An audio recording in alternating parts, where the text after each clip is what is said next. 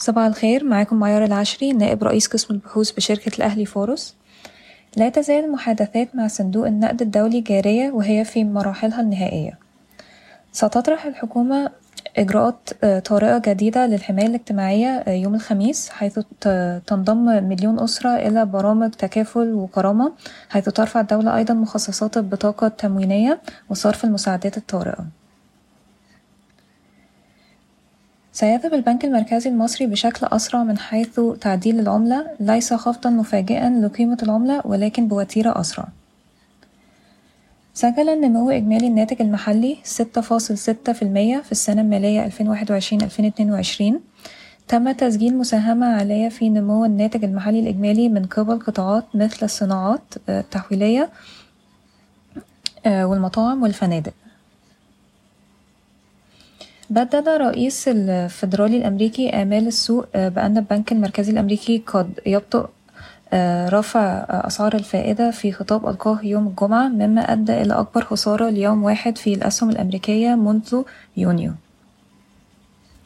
تهدف الهيئة العامة للمنطقة الاقتصادية لقناة السويس خلال الفترة المقبلة إلى توطين 15 قطاعا صناعيا وخدميا بما في ذلك الوقود الأخضر وتصنيع الألواح الشمسية والخدمات اللوجستية. كشف البنك المركزي أنه حصل على 13 مليار دولار من الودائع الخليجية قصيرة الأجل خلال الربع الأول من 2022 بالإضافة إلى 14 مليار دولار من الودائع المتوسطة والطويلة الأجل. تعهدت اليابان بتقديم 30 مليار دولار كمساعدات تنموية لأفريقيا خلال مؤتمر اليابان للاستثمار في أفريقيا. وقعت شركة الطاقة النووية الحكومية في كوريا الجنوبية عقدا بقيمة اتنين فاصل اتنين مليار دولار مع شركة روزيتم لتوريد المعدات والمساعدة في بناء محطة الضبعة النووية النووية وقعت سبع شركات عالمية اتفاقيات مبكرة لبناء منشآت تنتج ملايين الأطنان من الوقود الأخضر في المنطقة الصناعية بالعين السخنة.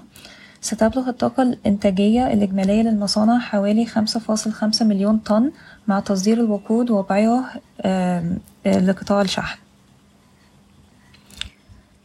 من الممكن أن تبدأ بورصة السلع في مصر العمل قبل نهاية العام حيث من المقرر أن يبدأ تداول الذهب كمرحلة أولى.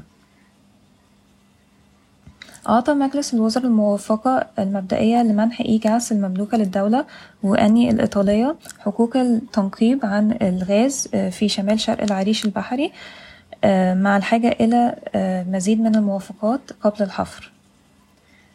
تم تعيين رامي الدكاني رئيسا للبورصة المصرية لمدة عام واحد.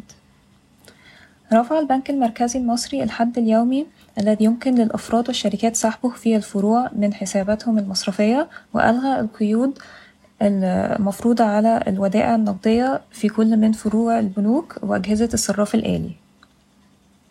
سجل الصافي أرباح سيا كابيتال في الربع الثاني من 2022 187 مليون جنيه بارتفاع واحد وعشرين في المية على أساس ربع سنوي وإنخفاض واحد في على أساس سنوي.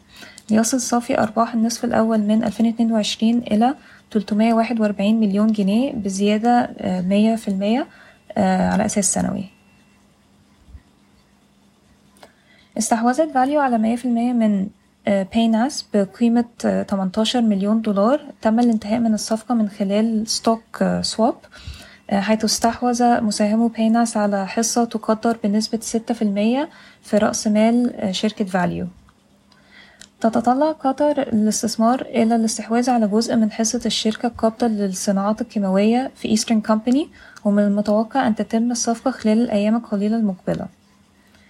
أكدت GB Auto في بيان أن الشركة لم تدخل أي اتفاقيات فيما يتعلق ببيع حصتها تبلغ سبعة وخمسين في المية في شركة MNT Halan. شكرا ويوم سعيد.